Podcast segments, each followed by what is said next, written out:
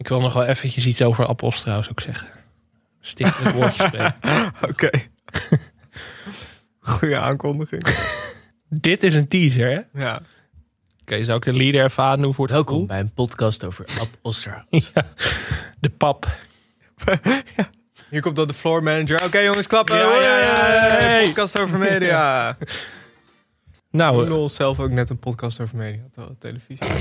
Komt omdat ik net iets over aan het lezen was. ik ga jou nu gewoon de rest van de uitzending Ernst Jan noemen, denk ik. Lijkt maar weer dat mannen niet kunnen multitasken. Opzij, opzij, opzij. Maak plaats, maak plaats, maak plaats. We hebben ongelofelijke haast. Opzij, opzij, opzij, want wij zijn haast te laat. We hebben maar een paar minuten tijd. We moeten rennen, springen, vliegen, duiken, vallen, opstaan en weer doorgaan. Kunnen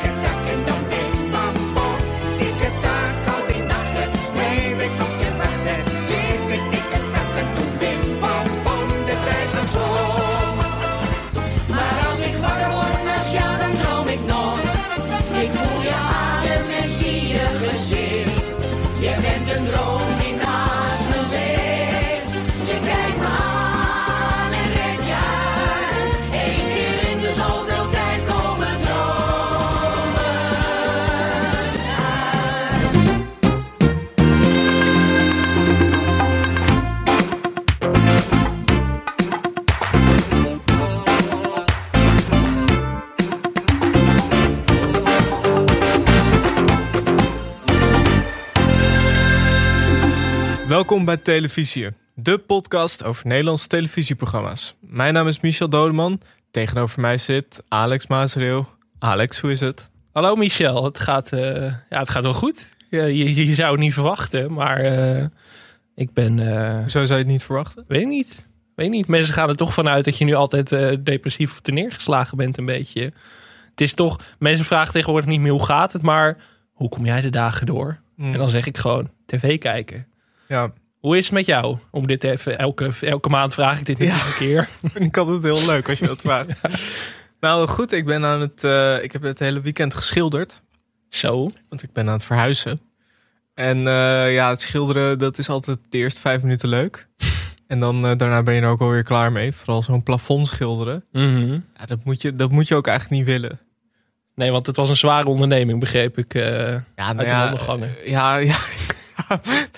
Je staat gewoon met zo'n met zo'n stok met een roller. eh, die hou je boven je hoofd. En daar ben je dan een halve dag mee bezig. je had veel spierpijn. Dus Ja, nee, ik heb echt. Ik, ik heb ook bilspierpijn. Dat je denkt, ik weet niet waar dat dan vandaan komt. Het voelt alsof ik de hele dag heb staan squatten. Maar dat doe je eigenlijk ook, want je moet steeds naar die verfbak. Dus eh, nee, het was. eh, het resultaat is mooi geworden. gelukkig. Maar dit stukje human inter, human, human, human, human, human interest is wel leuk. ja, Eh, maar ben je tevreden? Ben je nog op eh, lijken in de kast gestuurd? In spreekwoordelijke zin? Nee, nee, eigenlijk niet. Het eh, ging volgens mij allemaal wel goed. Dus volgende week moeten er meubels versleept worden. Ook altijd echt mijn favoriete onderdeel. Dat geloof ik, ja. Dus, Maar wo- woon je ook hoog? Zeg maar op drie hoog of zo? Ja. Wel, ik ga van vier hoog naar drie hoog. Oh, Dus, oh. nou. Nee, het- er is wel een lift. Dus ik kan eh, alles wel. eh, Maar ja, dan krijg je een beetje zo eh, wat ze in Friends hadden. Dat je met zo'n bank vastzit in de lift of zo. of dat je hem zo in de hoek. Dus Ik heb mijn bank dus weggedaan toen ik op drie hoog ging wonen. Ik, ik dacht Ja? van tevoren al, dit wordt hem niet. Dan maar geen bank. ik heb het gewoon op mijn voorbaat al op? opgegeven. Op gewoon op mijn bed. Ik gebruik mijn bed nu als een soort bank. echt. Ja, creatief denken. Oké. Maar heb je ook stoelen? Of, eh, Ja, dat wel. Nee, ook ik gewoon niet meer. gewoon de hele, altijd op bed. Ja, Zo kun je ook wel denken als je op drie hoog woont. Nou, dan doen we wel helemaal niks meer. gewoon heel minimalistisch. Geen badkamer. Nee, ik heb nog wel, ik kan wel zitten. Dat is fijn. Het is niet zo dat ik de hele dag of sta of lig. Dat, eh, ja, dat zou ik wel leuk vinden, maar dat, dat zo is het niet. Maar goed, house party bij jou is over twee weken voor eh, alle luisteraars. Ja, ja, voor alle vrienden van de show. Die mogen allemaal langskomen op de housewarming. In blokjes. Op anderhalve meter uiteraard. Ja, ja. Dus, eh, nee, hoe is het met jou? Ja, wel lekker. Eh, wat heb ik gedaan? Ik heb, ehm, heb jij de serie Lost ooit gezien vroeger? Nee. Dat is wel een serie klassieker. Die had ik heel lang geleden gezien. Of heel lang geleden, net alsof ik 43 ben. Maar ehm, die had ik gezien toen ik 16 was, volgens mij helemaal in zijn geheel. En nu dacht ik, ik ga hem weer eens even herkijken. Want ik was heel boos over het einde. Dus ik denk, ik ga hem gewoon weer in zijn geheel kijken. Dus ik heb nu... Ik heb 122 afleveringen gekeken in 3,5 week. Dus ook niet goed voor je gezondheid, kan ik je vertellen. Dus, maar dat eh, slokte zo'n groot deel van de tijd in dat, dat ik dan ineens dacht van... Kut, er staat nog een tv en eh, ik moet hier maandag wel weer wat over zeggen. Dus ik, eh, ik denk, ik moet de tv weer aanzetten. Gisteren, zondagavond, is er een nieuwe Nederlandse serie begonnen. Hoe mijn keurige ouders in de bak belanden, heet die even uit mijn hoofd. Dat is, wel, dat is wel een ding, hè? Van die films en series met van die hele lange namen. Ja, een beetje ook van die ironische titels of zo. eh, Ja, dat je mij- eigenlijk het hele concept al hebt meteen. Volgens mij is dat, eh, is dat begonnen bij dat boek eh, De 100-jarige man die uit het raam klom en verdween. Ja, het is ook wel, meteen een spoiler natuurlijk. Maar het Ja. maakte mij wel nieuwsgierig. Want ik zag ook Annick Vijver zit erin. Ik vind Annick Vijver echt altijd, altijd goed. Ja, zat natuurlijk ook in Mokromafia. Nou was dat niet de meest dankbare rol die ze daarin speelde. Maar zij is altijd wel goed. En ik denk, eh, ik eh, heb een stukje gekeken. Ik heb anderhalf aflevering gezien. Staat op NPO Plus. Wel een leuke zwarte comedy, vond ik het. ja. In ieder geval. En gisteravond was ook, eh, of tenminste voor de luisteraars, eergisteravond de allerlaatste aflevering ooit van Zondag met Lubach. Einde van een tijdperk. Heb je gekeken? Ja, Wat vond je ervan? traantje gelaten in de afloop natuurlijk. Nee.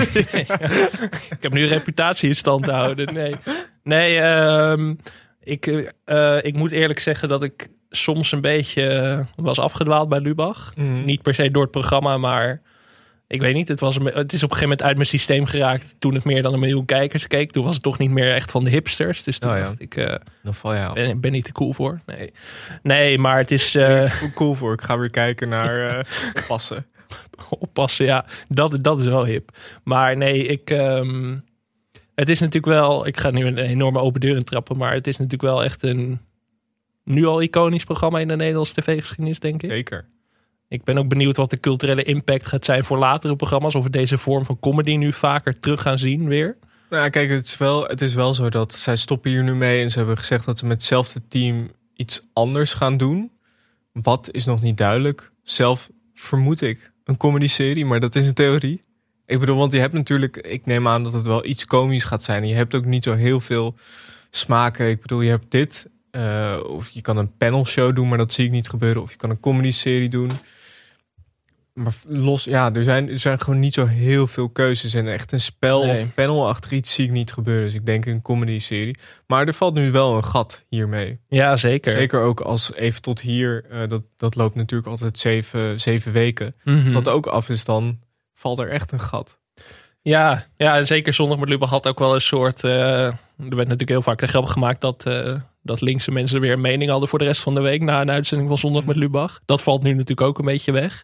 Want echt, eh, ja, je hebt natuurlijk op de zondagavond, die is vrij sterk op NPO, meestal. Je Ja, hebt natuurlijk ook programma's als eh de onze geroemde Promenade en Media Insight. ja Promenade komt, in augustus pas terug. Dat is toch een beetje jammer. Ik had gehoopt dat ze iets eerder misschien terug zouden komen. Maar goed, je moet het ermee doen.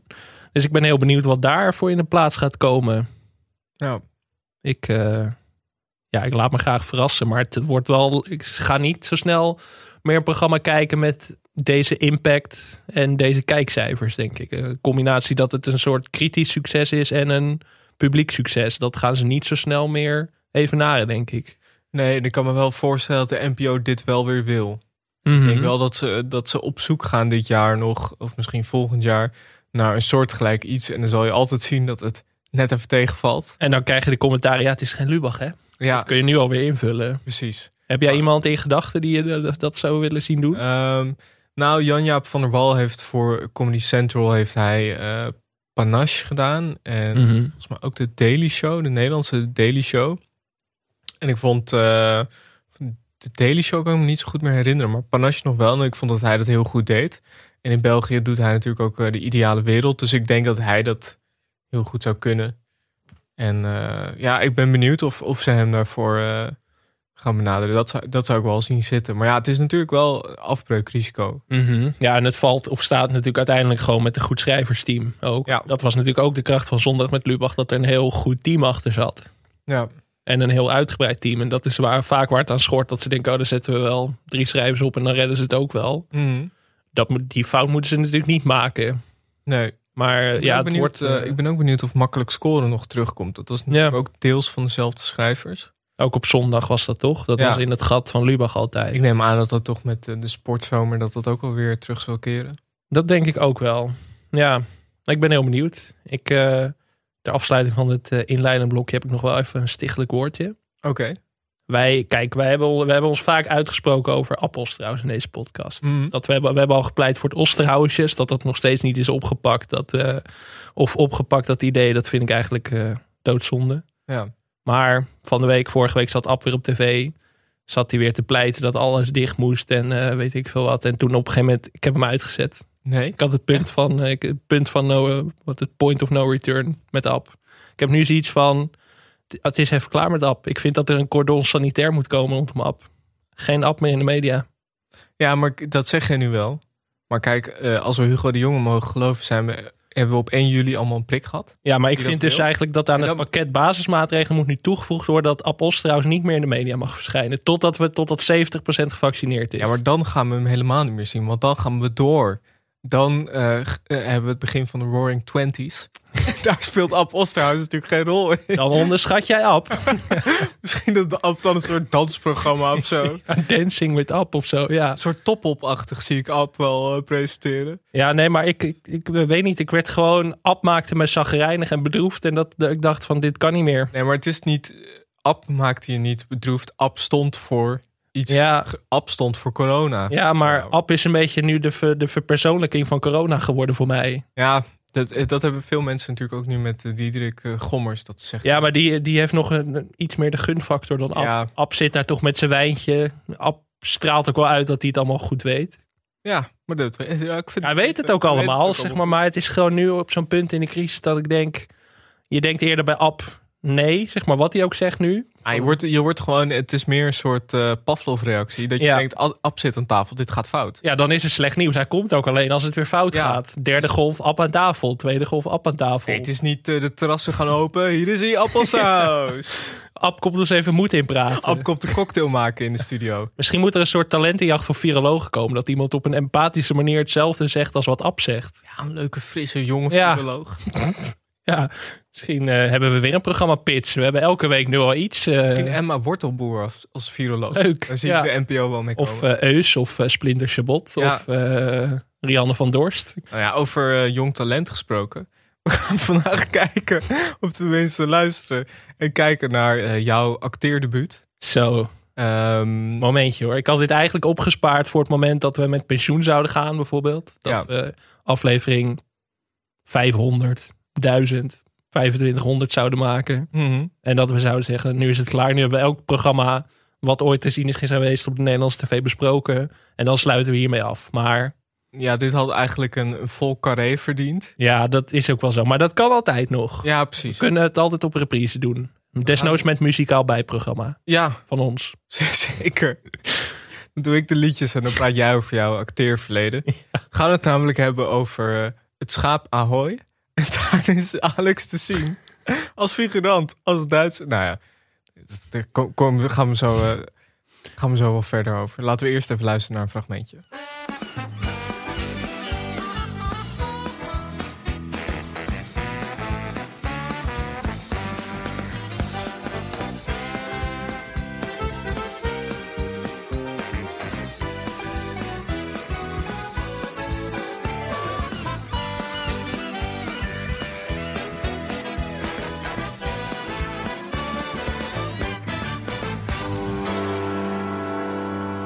Schaap Ahoy is een Nederlandse televisieserie van de KRO. De serie is een vervolg op Het Schaap in Mokum. Daarnaast had je ook Het Schaap met de Vijf Poten, Het Vrije Schaap en Het Spaanse Schaap. Het scenario is geschreven door Frank Houtappels en in de hoofdrollen spelen onder meer Pierre Bokma, Loes Luca, Mark-Marie Huibrechts, Georgina Verbaan, Tonkas, Jenny Arian, Laus Steenbeke, Bianca Krijgsman en Guy Clemens en Alex Maasreel. Ja, om niet te vergeten. Ja, wat even voor de duidelijkheid. Jij bent hier dus te zien als Duitse toerist. Ja, het is niet officieel mijn acteerdebuut. Dat heb ik een eh, seizoen eerder gemaakt, ook in het schaap. Oh ja, Dus eh, ja, regular. we hadden het er net al over waar- waarom dit zo'n speciale serie is. Maar naast het feit dat ik zeg maar dat mijn grote doorbraak eigenlijk in deze serie was, is dit ook gewoon. Nou ja, hoeveel afleveringen hebben we nu gemaakt? Dit is de 39ste, denk ik. Zoiets, ja, denk ik. Nou, dit is, dit is mijn, absoluut mijn favoriete Nederlandse tv-programma ooit. Ja, Gewoon even hier, eerste 10 minuten drop ik dit statement. Volgens mij heb ik, heb ik dit al drie keer gezegd in de podcast. Maar ja dit is wel de Dit definitieve. zei je bij het zonnetje in huis ook. Ja, maar dit is echt eh, alles overstijgend. Ja, ik kan me hier ook wel in vinden. Ik, eh, hoewel ik dit, het schaap Ahoy, vond ik denk ik wel de minste van Ja. alle reeksen. Ik denk dat mijn favoriet die op de camping was.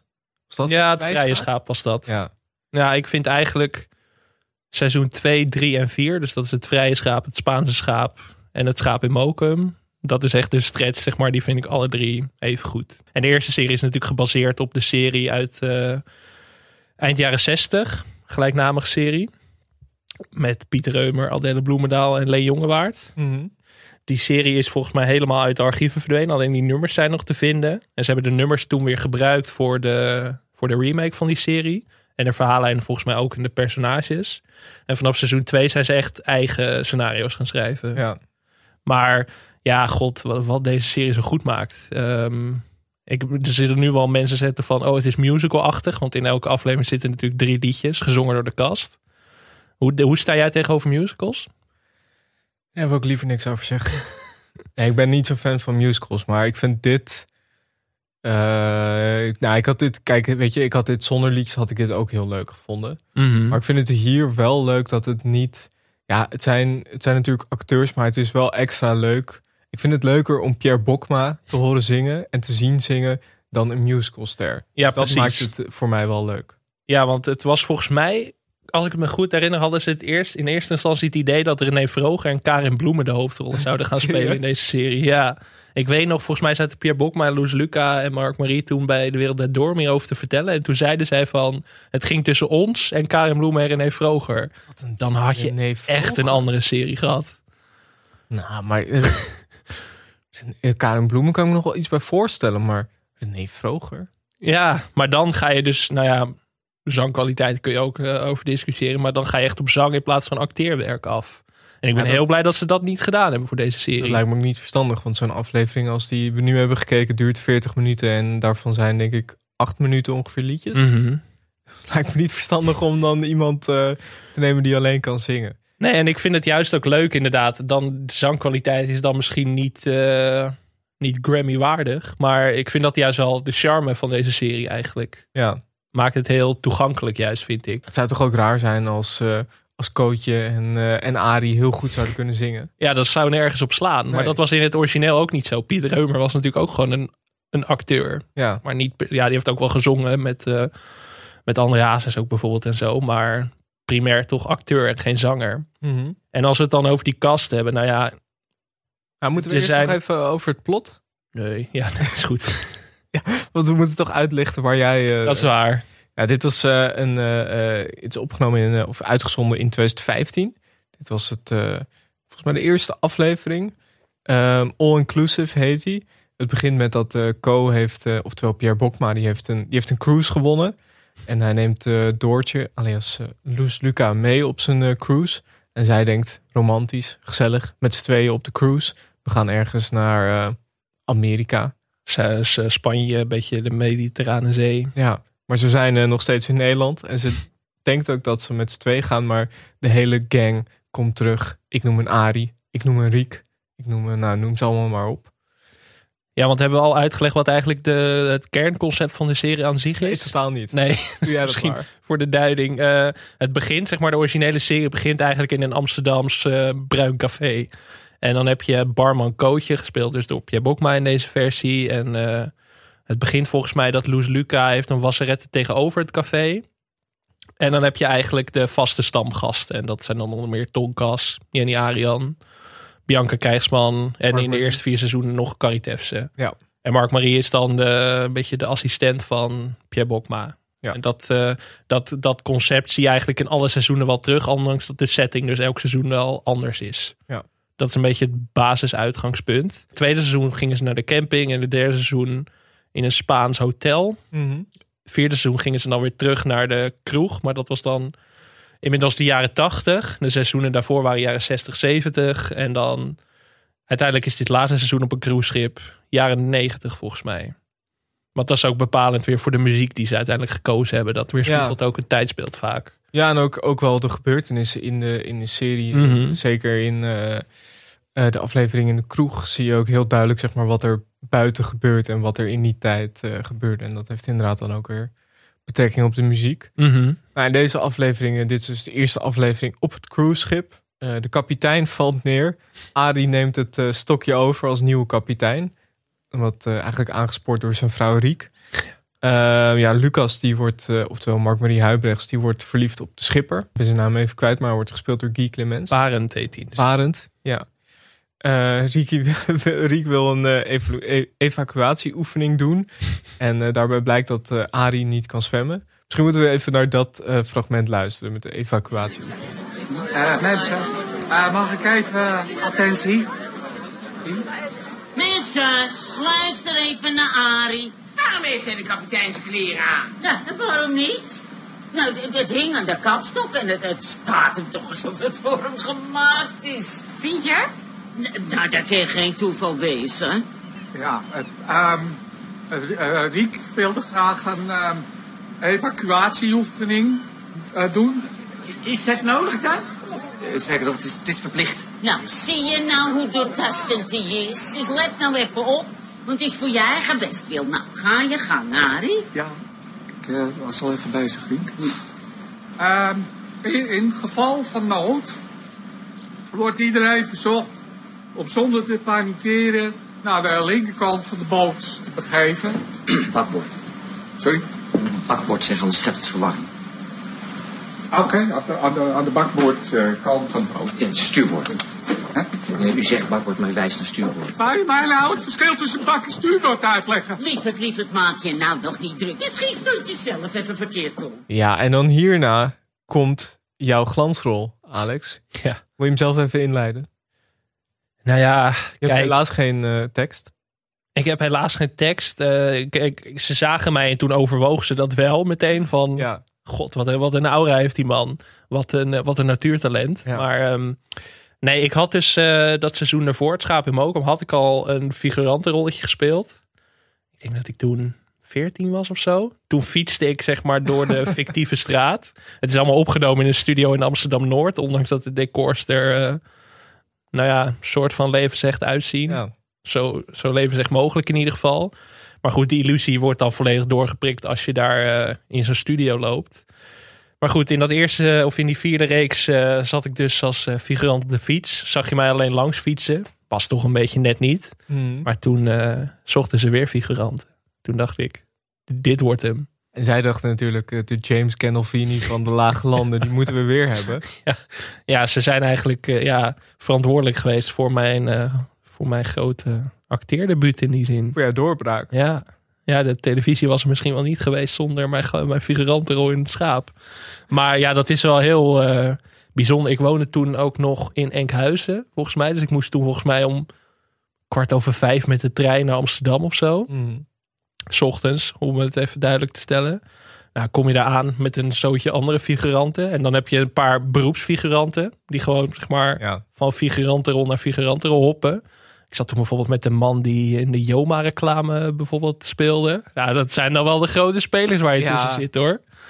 En ehm, dat zijn ook altijd dan de mensen die, die hebben ook een mening over... Die zeggen dan, ja, het is hier wel karig hoor. Want, Ja, de broodjes zijn niet, de broodjes zijn taai en zo, dat soort dingen. Ja, Precies, dan zegt ze van ja, toen ik in het publiek zat bij uh, Jinek, kregen we gewoon allemaal een gratis drankje. dat is heel intens. Ja, dat is echt, dat zeggen van ja, nou ja, toen ik in, eh, toen ik in Penosa figureerde, toen kregen we gewoon andijvie stampeld bij de lunch. Kreeg ik een hand van Carmen. ja. Maar ehm, toen moest ik in de make-up. Heb ik een uur in de make-up gezeten. Ik zou niet weten waarom, maar ik zat zit- gewoon een uur in de make-up. wel echt op een meter of tien Ja, afstand. ik, je eh. ziet, er zit ook helemaal bijna geen licht op mij. Ik, we zullen de foto's of het filmpje wel even delen op de, op de socials. Maar ja, waarvoor het nodig was. Maar ik werd echt omgeturnd tot een Duitse toerist met een eh, zonnebril en een... eh, Nou, maar kijk, ze, doen dat natuurlijk voor de zekerheid. Want je kan altijd een, een close-upje krijgen. dat is waar. En ik, ik ging er ook wel echt voor. Ik had altijd het gevoel van... Als ze nu dichtbij komen, dan is dat mijn moment. Ja, je weet het niet. Misschien dat die cameraman gewoon gaat lopen. Ja, daarom. En dat hij dan opeens voor je, voor je neus staat. Nou ja, jij hebt het net gezien. Het was natuurlijk wel echt een staaltje met het acting van heb ik jou daar. Ja, want even voor de mensen... Ja, ja, je moet het zien om het te geloven. maar Alex neemt een slok. Hij praat. Hij, hij zit dus aan zijn zonneklep. Zijn zonneklep op, want hij is een Duitse toerist. Ja, en een korte broek aan. Dat vond ik nog het ergste. Ik heb een, een beetje een haat... Nee, niet eens een haat-liefde verhouding. Ik ben, ik ben een tegenstander van het dragen van korte broeken. Moest ik een korte broek aan. Ja, nee, daar heb ik ook wel een hekel aan. Ja. Want kijk, het probleem is, je ziet er altijd meteen uit alsof je zeven bent. Ja. Maakt niet uit hoe oud je bent. Als je een korte broek draagt, niemand kan het goed hebben.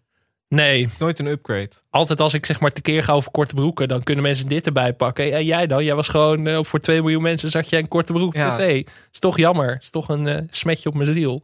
Maar god, ja, ik werd aangekleed. En eh, het, eh, het was echt alsof ik echt een soort van de... Ja, de Brad Pitt van die set was. En zo ging ik me ook voelen, zeg maar. Ik liep daar rond en van... Hey Loes, hey Bianca. Maar ja, je je gaat toch een beetje in jezelf geloven Dat je dan. Pierre Bokma ook tips te geven van Pierre. Pierre iets, meer, iets meer naar links. Pierre, iets meer nuance in je rol Ja. Pierre. Ja, nee, ja. Dat, eh, Maar heel natuurlijk deed je dat. Wel hè? Ja, maar je, je moet dan ook zeg maar, voor de mensen die niet gefigureerd hebben, je moet dan een soort van. Met de, ik Ja. zat ook naast iemand, ik weet niet meer wie het was. Als je luistert, laat, eh, laat voor je horen. Maar dan zit je naast iemand en dan moet je zo een beetje net doen alsof je aan het praten bent. Maar je bent dan niet echt aan het praten. Dus dat vergt wel echt, dat vergt wel echt meer dan een beetje eh, voor de vuist weg acteren. Nee, is, eigenlijk is dit ook moeilijker Ja, dan wat zo'n eh, Pierre Bokma of eh Loes Luca doet. Ja, wat, wat kunnen die nou? Ik bedoel, kijk, zij kunnen niet in zo'n, in zo'n klapstoeltje gaan zitten aan de rand van het zwembad op de achtergrond. Dat is toch een stuk moeilijker hoor. Je kan wel zeggen van ja, eh Loes Luca zit in die scène, Bianca Krijsman. Maar ja, waar kijken de mensen naar? Alex Maasreel. Dat heb ik vaak gehoord daarna. Ik heb ook veel aanbiedingen moeten afslaan. Ik moest nog, ik moest nog mijn diploma halen toen. Ja. Dus het was, het was jammer, maar anders had ik natuurlijk eh, had ik hier niet gezeten. Zo, zo duidelijk is het. We moeten even, even het plot afmaken en dan gaan we nog weer terug naar jouw eh, ervaringen. Want eh nou, ja, Doortje is niet, eh, is niet blij omdat, omdat Co weer ook hier achter de bar is gaan staan. En eh, uiteindelijk keert Lena terug, oftewel Georgina Verbaan. Want ze zijn dus zonder haar weggegaan. Maar die is toch weer teruggekeerd. Ja, en dit is dan de eerste serie zonder Caritefse ook, die in de eerste Ja. seizoenen wel een rol speelde. Caritefse overleed aan het eind van seizoen drie. Ja. Nou, niet Caritefse, maar de, haar personage in de serie. En ze keert nog terug als geest. Ja, daar was toen heel veel heisa over toen, omdat het bij de KRO werd uitgezonden. En dat eh, was toch een soort, eh soort heiligschennis. Ja. Dat, dat mag niet, het bestaat niet, geesten. Dus ik weet dat daar nog heel veel ophef over was toen. Maar die zit dus niet meer in dit vijfde Het seizoen. waren wel andere tijden, hè, toen Ja. daar nog ophef over Zo, inderdaad. Moet je nagaan wat die acteurs nu allemaal doen. Zo, ja, dat is ongekend. Maar wat is jouw... eh, we hebben natuurlijk lang Wat nagedacht. gevoel als je naar mij kijkt? nou ja, ik zie hier wel een ijzersterke acteur. Ik bedoel, dat mag Ja, je jij best dacht weten. van, ik wil meer van die jongen zien. Ja, tuurlijk. Ik ben Tuurlijk. ook wel eigenlijk, eigenlijk zeg maar, ik, maar ik zat er net over te grappen, te beginnen grappen dat ik eh, alle aanbiedingen moest afslaan. Maar ik, ja, je rekent er dan toch op dat je gezien wordt, Ja, ja. toch? Het is een beetje hetzelfde als een podcast, dat je die maakt en dat je hoopt dat je een keer eh, bij Jinek of bij uh, Opeen te belandt. Kijk, je hoopt natuurlijk expert. dat je, dat je dan een grotere rol krijgt. Of Ja. dat je dat close-upje krijgt. Ja, maar dat hopen al die figuranten. En eigenlijk is alleen Mokkermafia de serie waarin dat volgens mij eh, ja. heel af en toe lukt. Ja, in reclames gebeurt dat ook. Want ik heb dus wel eens... eh, ik heb twee keer in de Heb jij in reclames gespeeld? Nee, maar ik heb dus één keer heb ik gehad dat ik eigenlijk gewoon in een bushokje moest zitten. Maar toen op een gegeven moment kwam die camera langs. Ik dacht, ik pak hem gewoon. Maar die close-up die heeft het dus wel gehaald. Maar ja, dan krijg je ook extra betaald. Dus dat is natuurlijk ook waarom die figuranten eh, dat allemaal willen. Ja, ze hebben mijn onderhandelingstactieken niet meegemaakt. Maar ik had er wat, er wel natuurlijk eh, En wat kreeg je hiervoor? niks. Gratis lunch. Oké. Nee, weet ik eigenlijk niet meer. Kreeg je daarvoor betaald? Jij Ja. wel, maar jij was natuurlijk, jij zat in een kaartenbakje hoger dan dat ik zat. Waarschijnlijk. Ja, wel. maar volgens mij als, eh, ook als je niet echt casting hebt gedaan. Volgens mij ook, ook wel vaak figuranten is het toch wel een kleine, kleine vergoeding. Nou, ook niet altijd. Maar vaak is het volgens mij ook wel 40 euro of zo. 30 euro voor een dag. Ja, het is, het is niks als je dat qua uren gaat uitrekenen. Maar Nee, volgens mij wa- was dit eh, nog iets meer low budget in die zin. nou, ze hebben hier misschien ook wel heel veel figuranten nodig. Ja. Nou, er waren er zes toen die dag, Oké. denk ik. Select gezelschap, toch? Ja, toch. Ja, je moest er wel wat voor kunnen. Auditie moeten doen voor Maar waarom had jij je eigenlijk... eh, was het puur omdat je zo fan was van de serie? Of omdat je het gewoon echt leuk vond? Nou, ik denk vooral dat het kwam omdat ik fan was van de serie. Dat, het, het, het- we gaan we lekker een beetje nerden hier. Lekker, lekker voor de luisteraars. Maar kijk, ik ben opgegroeid in het Bruin Café. Zeg maar, mijn ouders hadden een Bruin Café. Dat heb ik volgens mij ook al acht keer verteld. Maar dat maakt niet uit. Klassiek verhaal. Klassiek verhaal, zeg maar. Mijn, mijn wieg stond aan de toog. Je bent een soort romanpersonage. Ja, misschien moet ik daar zelf een keer iets mee doen. Maar nee, ehm, ja, weet je, dan heb je al een soort extra klik met deze serie. Omdat het herkenbaar is. Weet je wel, dat eerste seizoen in de Bruine Kroeg. De personages die erin zitten zijn wel redelijk herkenbaar, zeg maar. Dat soort types heb je overal. Je Ja. hebt overal een Arie Balk en overal een... eh, niet per se Mark Marie, maar wel gewoon dat soort types van een Carrie Tefse, zeg maar, en Tonkas, Lauwe Steenbeek. Die types heb je in elke bruine kroeg, had je die wel. De bruine kroeg is natuurlijk een beetje aan het verdwijnen, helaas. Wat echt een klap. Maar dat maakte dat ik deze serie gewoon... Ja, wij keken dit thuis ook gewoon best wel trouw. Want mijn moeder, die, eh, die was al heel erg fan van deze serie, als ik me goed herinner. Ja, weet je, je, wil toch die gemoedelijkheid van de bruine kroeg herkennen als je dan tv kijkt. Zeg maar, dit is de misschien wel de meest herkenbare serie voor mij op de Nederlandse tv geweest. Ik bedoel, alle andere comedies zijn toch een soort van anders. Dat is dan of een heel gewoon gezin. En ik kwam niet per se uit, een, uit zo'n klassiek sitcom gezin, weet je wel. Van Ja. vader, moeder, twee kinderen. Dat had ik niet per se. Dus Vader, dan, moeder, opa in huis. ja, nee, dat was het niet. Dus dan is dit het soort van het meest herkenbare of zo. En Ja. eh, het- de eerste serie werd uitgezonden in 2006 volgens mij. Toen was ik elf. Dat is dan net een mooie leeftijd om mee te beginnen. En dan groei je op een gegeven moment groei je gewoon op met die serie. Ja. En wat ik zei, het was gewoon, het zat gewoon, het zit gewoon heel goed in elkaar ook de serie. Hmm. Maar de balans tussen comedy, drama, muziek en gewoon, nou wat ik net al zei, de, de beste cast misschien wel in de Nederlandse tv-geschiedenis. Of is dat een hot take? Nee, dat, eh, er zit wel wat in. Ik bedoel, je hebt, je hebt Pierre Bokma. Misschien moeten we het even over Pierre Bokma hebben in deze serie. Die heeft wel, maar überhaupt, Pierre Bokma heeft wel echt range. Van meneer Heidrich tot... eh, Ja, tot, tot gewoon, weet ik veel, tot Rijkman Groening, eh, die ABN Ja. AMRO topman. En hij heeft ook een Emmy gewonnen natuurlijk voor zijn rol in de Uitverkorenen. Ja, die range is echt bizar. Het is natuurlijk een cliché dat we zeggen van de beste acteur van Nederland. Maar het is ook natuurlijk gewoon waar. ja. Maar als je hem in deze rol ziet en je vergelijkt dat weer met andere rollen. Of met zijn theaterwerk of zo. Dan, dan er zijn echt geen acteurs die zo'n range hebben. En ook in elke rol zeg maar kunnen verdwijnen ja. Dat is wel, dat zie je niet vaak, denk ik. Ik denk dat op de Nederlandse, in de Nederlandse acteur, acteerwereld weinig van dat soort acteurs zijn die zoveel verschillende dingen aan kunnen. Ja. ja. Ik zit heel hard na te denken. Nou, ik, eh, misschien niet zo erg, maar ik vind... eh, ik zat net te kijken naar de, de gastrollen hier. Theo Maas heeft hier een gastrol. Die kan ook wel echt Ja, van eh, zijn rol in Minus tot aan eh, TBS. ja, precies. Die heeft ook wel een best wel stiekem een goede range, maar die acteert gewoon. Eigenlijk, eigenlijk jammer. weinig daarvoor. weinig. Ja, Ah, dat nee. is nog wel een goede. Maar sowieso überhaupt deze kast. Loes Luca, Georgina Verbaan, Tonkas. Echt.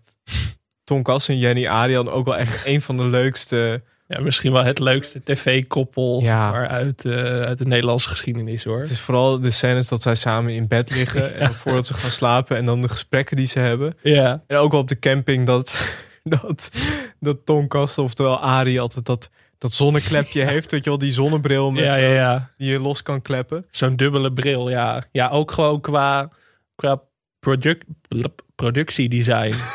Als je dacht, ga ik hem Engels aanvliegen? Ja. Of, eh, nu is het een mooie mix geworden, maar Ja. gewoon dat hadden ze altijd ook goed voor elkaar. ja. Zeg maar, je voelde het toen echt alsof je op die camping zat in dat tweede seizoen.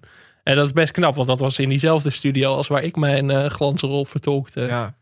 Maar dat, dat hadden ze ook wel goed voor elkaar. En gewoon, ja, die combinatie van goede scripts, goede vibe, goede cast en gewoon het algemene plaatje klopt. Dat is dat bijna nooit in Nederlandse series. Nee. Want het is wel vaker geprobeerd met musical-achtige series. Had je toen niet met Henk Poort zo'n serie? Gebak van Krul of zo? Was dat ook een musical serie? Oh, poeh. Ja, daar staat me ook wel iets van bij. Dat ging ook over een banketbakkerij in de Jordaan. Dus dat zit wel in hetzelfde Ja. spectrum. Maar dat voelde toch een beetje als een goedkope, goedkope rip-off of zo. Maar ja, dat, dat, dat maakt... En de muziek was ook gewoon... De liedjes waren gewoon leuk, herkenbaar en zo. Ze begonnen natuurlijk met originele Nederlandse liedjes. Van Als je elkaar niet meer vertrouwen kan. Ja. En we bennen op de wereld om elkaar te Ja, helpen. ja, die jaren was een 60 nummers. Echt de klassiekers. Als je elkaar niet meer vertrouwen kan, waar blijf je dan? Zo is het meneer. Als je elkaar niet meer vertrouwen kan, dan blijf je nergens meer. In dat tweede seizoen ging het meer van eh, de malle molen en eh, het is weer voorbij die mooie zomer en zingvecht, huilbit, weet je wel, dat soort Ja. jaren zeventig nummers. En in seizoen drie en vier gingen ze, gingen ze internationale liedjes eigenlijk hertalen. Ik kan me herinneren dat ze inderdaad Bohemian Rhapsody hadden gedaan en dan eh Opus Zwanenzang daarvan hadden gemaakt, zeg maar over Carrie Tefses personage dat toen doodging. Zijn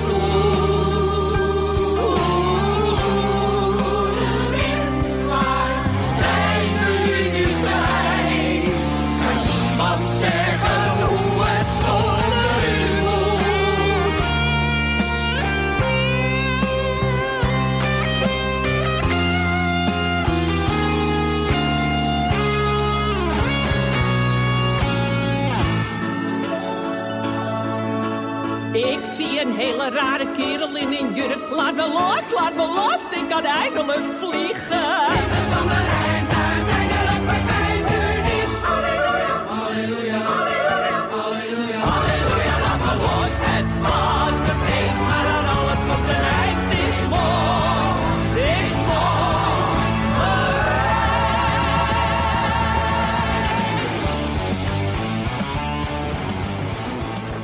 Ja, dat, gewoon met die hoofd hadden ze dat ook helemaal nagedaan en zo. Dat was wel echt, dat was wel echt geinig. zeg Maar hoe ze dat ook weer, die liedjes vertaalden naar het Nederlands eigenlijk. Dat deed die Frank Houtappels dus allemaal zelf. Wat me ook een verschrikkelijk werk lijkt. Maar Ja, hier, hier in deze aflevering had je eh, opzij, opzij, opzij, deden ze. Ze deden eh, terug naar de kust en Dingedong. Laatst het eh Songfestival nummer. Ook een hele goede rol voor Pierre Bokma in dat, eh, in dat nummer. ja, maar precies in het laatste seizoen gingen ze weer vooral naar Nederlandse liedjes. eh, ja, terug. bijvoorbeeld Het is een nacht, eh, Ja. Dromen zijn bedrog. Dus dat meer iets recenter, eh, ook als de morgen is gekomen. Ja, ik, ik, ik kan me nog herinneren, volgens mij, ik zag daar ergens een fragment van voorbij komen dat de hele kassa zat van, waarom zit dit nummer erin? We snappen het hele nummer niet, maar we voeren het wel gewoon uit.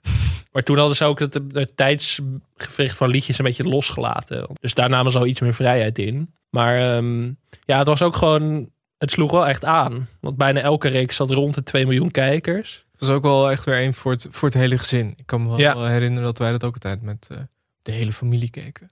Ja, daar leent het zich ook gewoon wel goed voor, toch? Ja, Ik bedoel, het is bij uitstek een natte haartjes op de bank eh, serie. zeker. Zeker. Ze wilden volgens mij toen nog een zesde serie gaan maken misschien.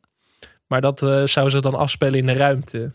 Dat, ja, ik ben wel heel benieuwd wat dat dan zou gaan worden. Dus dat, dat zou dan echt de jaren, jaren 50 van deze eeuw zijn of zo.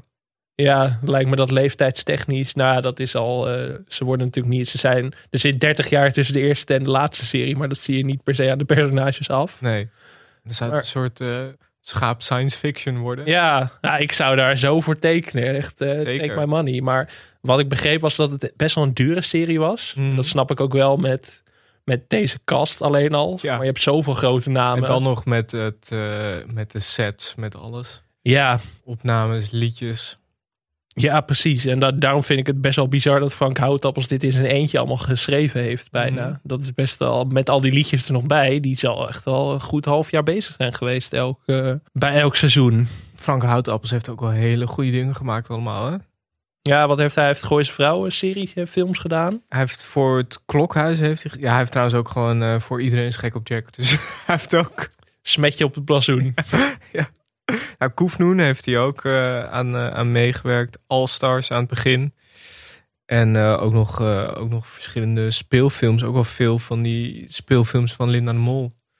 ja, zij werken via ja, die April, May en June volgens mij heeft Ja. hij ook geschreven. Ja, en er komt nu ook eentje. die heet Alles op tafel. Ook met. dat geloof ik ook met onder meer Diederik Ebbingen en Linda de Mol. En ik meen ook Eva Krutse. Oh ja, dat, dat heb, heb ik wel eens voorbij horen komen, ja. Nou, ben ik wel benieuwd naar. Ja, Maar ja, je zou misschien Gooise Vrouwen zijn, eh, zijn hoogtepunt, het hoogtepunt van zijn carrière kunnen noemen. Maar ik vind het schaap, nou wat ik net zei, het is mijn favoriete Nederlandse productie waarschijnlijk. Dit is wel de definitieve. Hierna kan ik die stelling nooit meer, eh, Nee. dan moet er een euro in de pot als ik het nog een keer zeg. Maar dan kan hij op de bingo kaart. ja, laatst van een luisteraar een bingo kaart van onze podcast. spot on. Ja. Ja. Jammer dat daar niet op stond. Dit is mijn favoriete Nederlandse productie aller tijden. Maar dit is hem echt. Dit is, eh, dit Ja. is, dat kan ik nu ook niet meer zeggen. Wel lullig dat we nu ons hoogtepunt, in die, dat ik mijn hoogtepunt al gehad heb. Dan, eh, moet jij ooit nog jouw tv-hoogtepunt eh, Ja. aandragen en dan zijn we klaar. Ik weet eigenlijk niet zo goed wat dat, wat dat zou zijn. Misschien Nee. moet ik dat even voor me houden. Ja, dat is goed. Maar het is ook, ja, het is ook lastig om dat objectief te bepalen. Maar ja, ik kijk deze serie best vaak gewoon weer in zijn geheel terug. Als ik Hoe even, vaak heb je het gezien? Poeh, ik denk wel vier of vijf keer in zijn Ja. geheel. Ja. Ja, best wel nerdy hè. Maar jij bent ook wel echt een herkijker. Ja, maar ik vind dit, dit soort series vind ik gewoon echt lekker voor het slapen gaan. Dat ik er even eentje aanzet. Gewoon, dat ik gewoon lekker kan twitteren tussendoor. En een beetje eh, wat kan lezen. En een beetje de krant kan lezen tussendoor. Weet je, dat klinkt heel, eh, heel idyllisch. Klinkt Ja. ook als een vijftiger nu, maar dat is Zonder bank thuis. Zonder op je bank. bed. Maar dat, ja, dat, dat herkijkbare, dat hebben niet zo heel veel series. Het is niet zo dat ik denk, in Holland staat een huis. Laat ik dat eens lekker gaan bingen vanavond. Nee, nee. En dat heeft dit gewoon wel.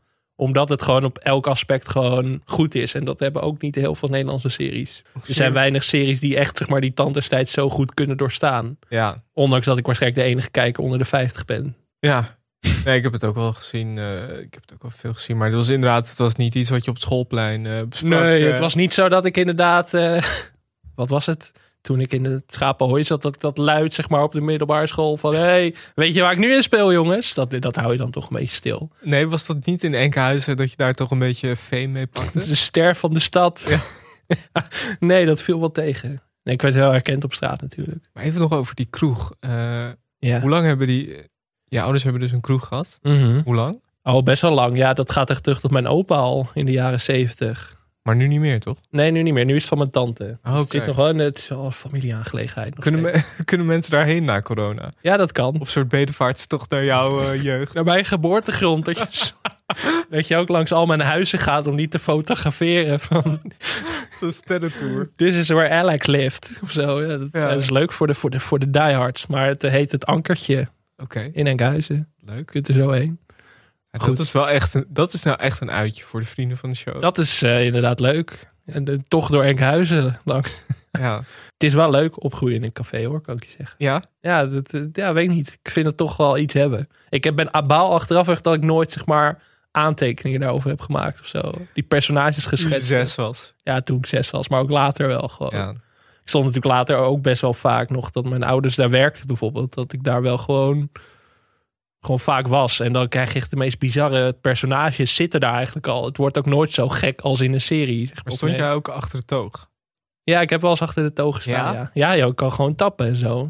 Dat is voor de, we kunnen een keer een kroeg huren voor de vrienden van de show. Ja. Leuk, dan kunnen we ook liedjes uit het schaap gaan zingen en zo. Een soort eh, bejaarde, bejaarde uitje. Wat een, wat een ontboezemingen allemaal. Alex en Michel vertellen alles. Ja, dit is de meest persoonlijke televisie ooit. Ja. Kwetsbaar. Mis- Misschien moeten we nog even, even die traan los laten komen, zo erg. We Die traanlosweken. hebben een emotioneel liedje van het schaap waar we even naar kunnen gaan luisteren. Ja, laten we nog even naar een fragmentje luisteren.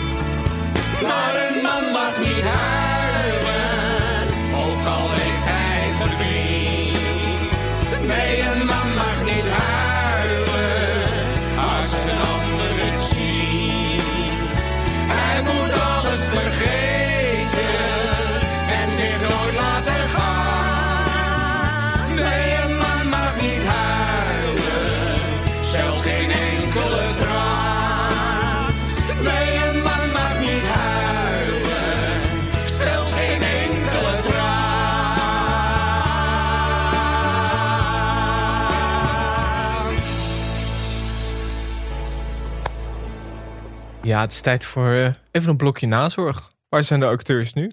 Nou, er zijn er weinig slechter aan toe dan ten tijde van het schaap eigenlijk. Ja, dat Volgens is, mij is eh, iedereen eigenlijk nog beter, meer op zijn prime dan tijdens het schaap. Met Ja, uitzondering dat, van eh, Jenny Arian misschien, maar Dat maken we ook wel eens anders mee. zo.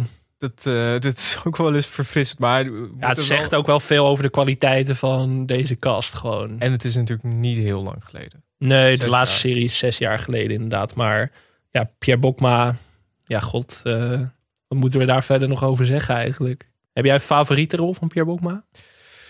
Nou, je noemde hem net al, maar als Rijkman Groening vond ik hem echt heel goed. Ja, Eh, in de prooi. Eh, ja, ja, in Groentvonk is hij natuurlijk heel erg grappig. Ehm, heb ik verder nog een favoriete Pierre Bokma rol? Nou, weet ik eigenlijk niet. ja, ik vond hem dus in Tonio als AFTH van de Ja. Heide. Vond ik echt, dat is echt, ja. goed. De, de, dat, Ja, hij heeft daarvoor niet eens een gouden kalf gewonnen. Wat ik echt denk van, hoe, hoe, dan? Wat moet je nog meer doen als acteur, zeg maar? Maar dat vond ik zo'n goede rol. Die is ik- hetzelfde een acteur die me zo geraakt heeft met een rol ja, ook die vond, ik vond dat sowieso echt een ijzersterk. Ja. Zo, Dat, toen eh, zit die Jank ook na Rif- afloop. Om weer even een... eh, Was dat Rivka ja, die ook heel goed speelde? is zij. En wat vond je van Pierre en Kan niet waar zijn? Ja, dat was voor hem... wel een, gek, eh, hè? ja, dat is raar. Ja, dat kijk ik niet zo vaak. Dat keek ik niet zo vaak. Maar was dat niet omdat hij... eh, hij zei ook van de rekeningen moeten betaald blijven worden of zo. En Ja. Hij vond het ook gewoon leuk volgens mij. Maar volgens mij Pierre Bokma's adagium, heel duur woord, maar ik heb even geen betere... Mhm. Of zijn opvatting is eigenlijk van een acteur... Acteren is eigenlijk nooit in herhaling vallen of zo. Dat is een beetje Ja. wat hij altijd zegt. En hij speelt ook nooit, zeg maar, echt per se soortgelijke rollen volgens mij in films. Dus hij gaat echt van een nazi en bankier van het verzet naar een eh, leraar Duits. Nou, dat is dan wel een redelijke overeenkomst. Maar naar een joviale kroegbaas in het schaap bijvoorbeeld. zeg Maar Ja, dus dat kan niet waar zijn, is dan weer een andere uiterste. Ja, ik vind het ook wel weer. Het is ook wel weer grappig dat hij dat dan doet. ja. Maar ik zie hem toch liever. Hij zit natuurlijk ook in Mokkermafia. Mhm. Die ook wel een goede rol. Dus hij, ja. Maar ja, Tonio en het schaap, zeg maar, dat zijn wel de twee uitersten die ik het allertofst vind. Met Roenvoek daar dan nog bij. ja. Hij zat natuurlijk ook in de Roenvoek film als eh, Ronnie Bosboom senior. Ook een eh, hele, wel een hele goede rol. Ik vind het wel leuk dat hij dat soort dingen doet. Tom Kast, die eh, zien we nu natuurlijk veel in de promenade. vanaf augustus weer. Ehm, ook in De Grote Zwaan had hij een hele goede Ja. rol als Leon. Oh, daar is hij goed. Ja, en in Plan C natuurlijk ook. Ja, ja. Dat was, nog, eh, dat was eigenlijk nog hiervoor.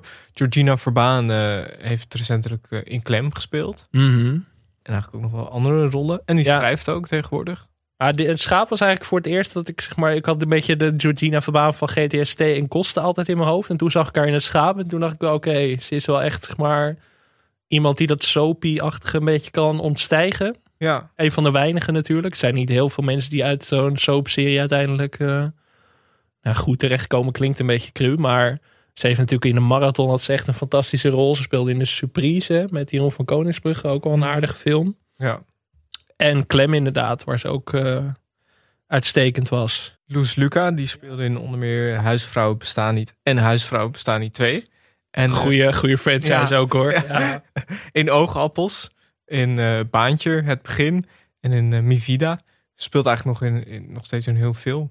Mi Vida was ook wel een mooie film. Dat was wel echt een film voor vrouwen van 50 plus zonder te veel te generaliseren. Maar ik vond het best wel een mooie film. Die ik toevallig gezien heb. Nou ja, diep van binnen.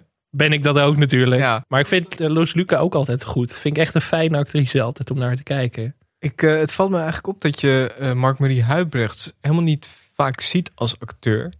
Terwijl hij dit toch... Ik vond hem eigenlijk hier ook heel leuk. Maar ja, dat is misschien ook wel een beetje de kracht van het geheel. Dat hij... Ik weet niet of hij zichzelf echt als eh, acteur zou zien. Maar ik, eh, hij heeft volgens mij in Samson en Gert heeft hij nog... eh, Hij zat in Alles is Liefde ook, toch? Ja, Volgens mij. Wel, ja. En in, in Welkom in de jaren 60 heeft hij, heeft hij ook nog gespeeld. Ehm, ook wel is volgens mij een heel klein rolletje in Baantje. Maar Oh ja. de laatste jaren eigenlijk helemaal niet zoveel, toch? Qua act- acteerwerk. Nee, en, eh, ja, misschien is dat ook omdat hij moeilijk van zijn eigen persona af kan komen of zo. En dat kan Dat hij hier, waar. kan hij dan natuurlijk als zijn kracht een beetje En gebruiken. hem niet als gangster neerzetten. Nee, ik zou hem niet in Penosa kasten bijvoorbeeld. Dat zou toch een beetje gek zijn. Hij heeft niet de range van eh, Pierre Bokma. Nee, dat Nee. is ook zo. Dus dat, dat zal wel een rol spelen, denk ik. Eh, Bianca Krijgsman, die won nog een jaar... Volgens mij was dat het jaar voor deze serie dat ze die Emmy won. Ja. Ja, volgens mij hebben ze daar zelf over gezegd. Ook in relatie tot het schaap. Want toen hebben ze volgens mij... Hebben ze YMCA een keer hebben ze gecoverd als eh, Leger des Heils. En toen zei Bianca Krijgsman volgens mij van... Ja, dan sta je dan met... eh, of nee, Jordina Verbaan zei toen... Dan sta je met twee Emmy-winners eh, op de set. En dan sta je een beetje een rare versie van YMCA na te spelen. dat vond ik toch wel treffend. Maar ja, ze won voor een telefilm. De Nieuwe Wereld uit mijn hoofd heette die film volgens mij. Dat ga jij nu live check, fact-checken, hoop ik. Zeker niet. Oh, oké. In het geheel niet. Eh, Ja, niemand je. die dit ook weet verder. Volgens mij heeft niemand die film gezien. Maar ja, het is toch altijd wel knap. Volgens mij heeft Maarten Heijmans ook een Emmy gewonnen voor Ramses. Ja. Dat is toch wel... eh, Ja, ik vind Bianca Krijgman sowieso ook een hele goede actrice altijd. Ja. Eigenlijk is Jenny Arian een van de weinigen die niet zo actief meer is. Dat zal ook met haar leeftijd te maken hebben. Eh, die heeft nog wel in hetzelfde jaar een Hallo Bungalow gespeeld. En in Gewoon Vrienden later nog. En verder volgens mij niet zoveel meer. Ja, ze Nee, maar ze heeft sowieso niet heel veel theater, acteerwerk gedaan in de Ja. carrière. Meer theater inderdaad. eh, Ja, Maar ik vond haar wel... Ik vind haar wel echt... Zij is wel echt geniaal in het schapen ook hoor. ja. Echt. Maar die chemie met Kas is, eh, is fantastisch. Ja, terwijl ze best wel veel schelen in leeftijd, toch? Volgens mij. Ja, ik denk een jaar of tien. Ja, bijna twintig jaar schelen ze. En twintig jaar. Ja. Toch, je zou het, eh, je zou het niet zeggen als je zo ziet. ja, Jenny Arias is 78, Tom Kas is 62. Ook dat is dat eh, uurtje in de make-up. Hè. Ja. Nou ja, zij zaten korter in de make-up misschien wel dan dat ik zat. misschien. maar ja, god. Ja, Jenny Arian. Echt, wat een legendarische rol in deze serie. Met Tom Kas. Ik heb daar gewoon eigenlijk geen woorden voor. Echt, Nee. wat, wat een fijn koppel. Ja. Ook heel herkenbaar, denk ik. ja, dat denk ik ook voor veel mensen wel. Wij zijn in, in de twintig, dus dan is het net even iets minder herkenbaar. Oh, dat ja, denk misschien jij. voor jou eh, als jongen van de toog. Dan is het heel herkenbaar. Ehm, wie hebben, hebben we iedereen gehad? Carrie Tefse. Laus Steenbeke. Lau Steenbeke. Ken ik vooral van het Klokhuis en van Ja. Vlodder, de serie. Ja, het is toch ook altijd wel weer iets. al die goede acteurs die allemaal in het klokhuis zitten of hebben gespeeld. Loes Luca ook vaak natuurlijk. Ja, Ik vind Lau Steenbeke wel een beetje de Steve Kuipers van het geheel. ja hè? Ja, Dus ik moest zijn naam ook even ja opzoeken. want ik herken, jij, je herkent hem meteen, maar het is niet zo. Bij die, al die andere acteurs heb ik wel zoiets van, ik weet meteen wie dat zijn. Maar bij Lau Steenbeke, no offense, had ik dat toch wat minder. Nee, misschien moeten we hem toch maar weer uitreiken. Ja, Steve Kuipers Award. ja want we kregen een vraag in de mail ook van eh, iemand. ik ga even opzoeken wie dat is. Die vroeg van, wat is de Steve Kuipers Award precies? Nou, dan moeten we dit even toelichten, denk ik. Ja, ja, de Steve Kuipers Award, dat is eigenlijk een award voor een acteur of actrice die je wel kent van gezicht, maar niet per se van naam. En het is ook iemand die, die eigenlijk overal wel inspeelt. Alleen ja, op een gegeven moment, eh, kijk, toen we wat meer populaire programma's gingen bespreken, dan wordt het lastig om zo'n award uit te reiken.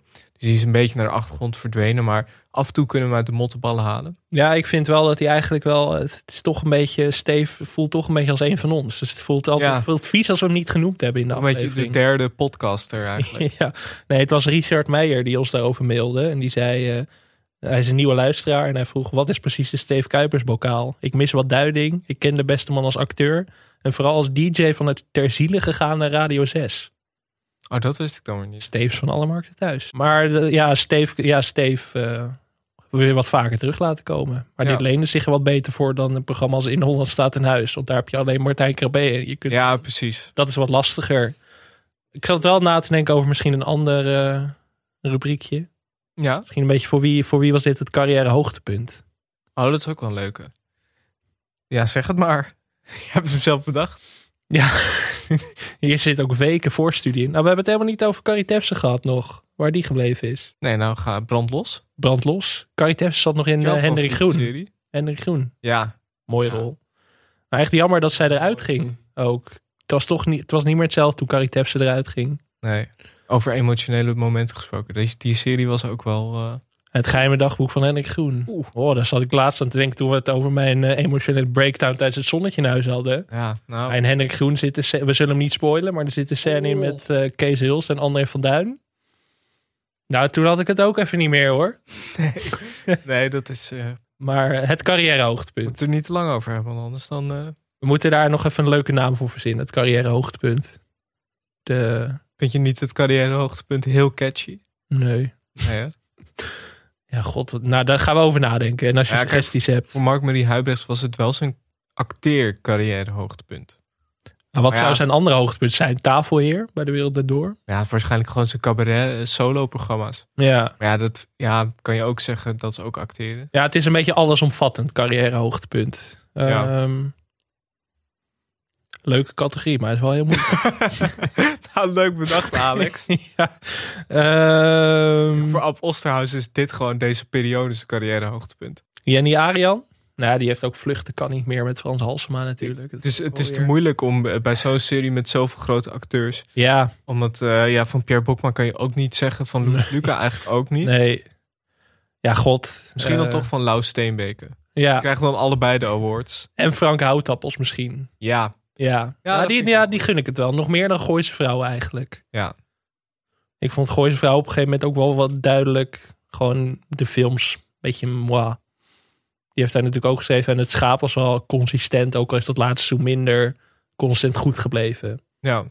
Zullen we maar Frank Houtappels geven? Deze Ja. eerste eh, naamloze award. Oh, Slaat de boer even in elkaar. Sorry. Ik wist niet dat je zo eh, mee oneens was. Maar Als je net een heel raar geluid hoorde, ik stompte per ongeluk de microfoon. Dat was hem denk ik hè, voor vandaag. ik denk dat we er dan al zijn. Wil je nog iets zeggen over jouw eh, acteer eh, hoogtepunt? Ja, jullie kunnen me altijd bellen. Ja, Als jullie nu denken van, eh, jullie hebben dit gehoord. het is tien jaar na dato. Maar denk je Ja, deze stille kracht, een beetje Philip Seymour Hoffman-achtige... Ik vind eigenlijk, we hebben natuurlijk allebei acteerervaring. Dat we een keer samen iets moeten gaan doen.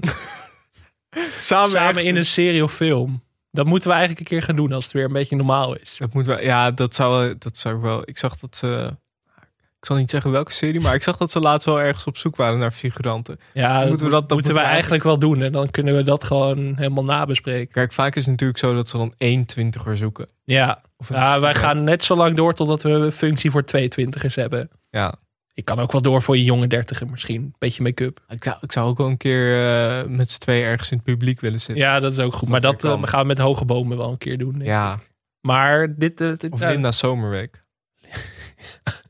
Nee, ja, maar die figuranten om met z'n tweeën, dat, dat lijkt me ook wel. ik denk dat dat echt onze grote doorbraak kan worden. Ook voor de podcast.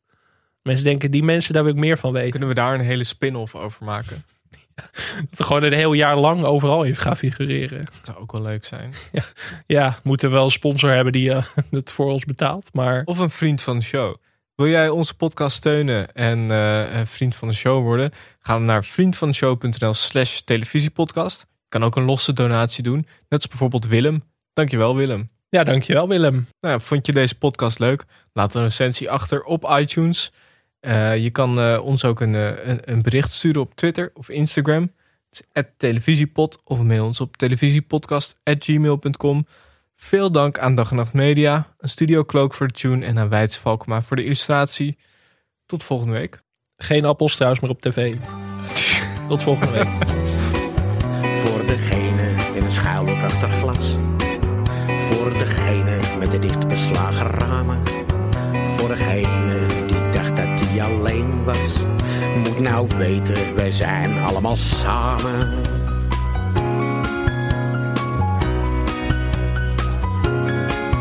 Voor degene met het dichtgeslagen boek. Voor degene met de snel vergeten namen. Voor degene die het vruchteloze zoeken. Moet nou weten, we zijn allemaal samen.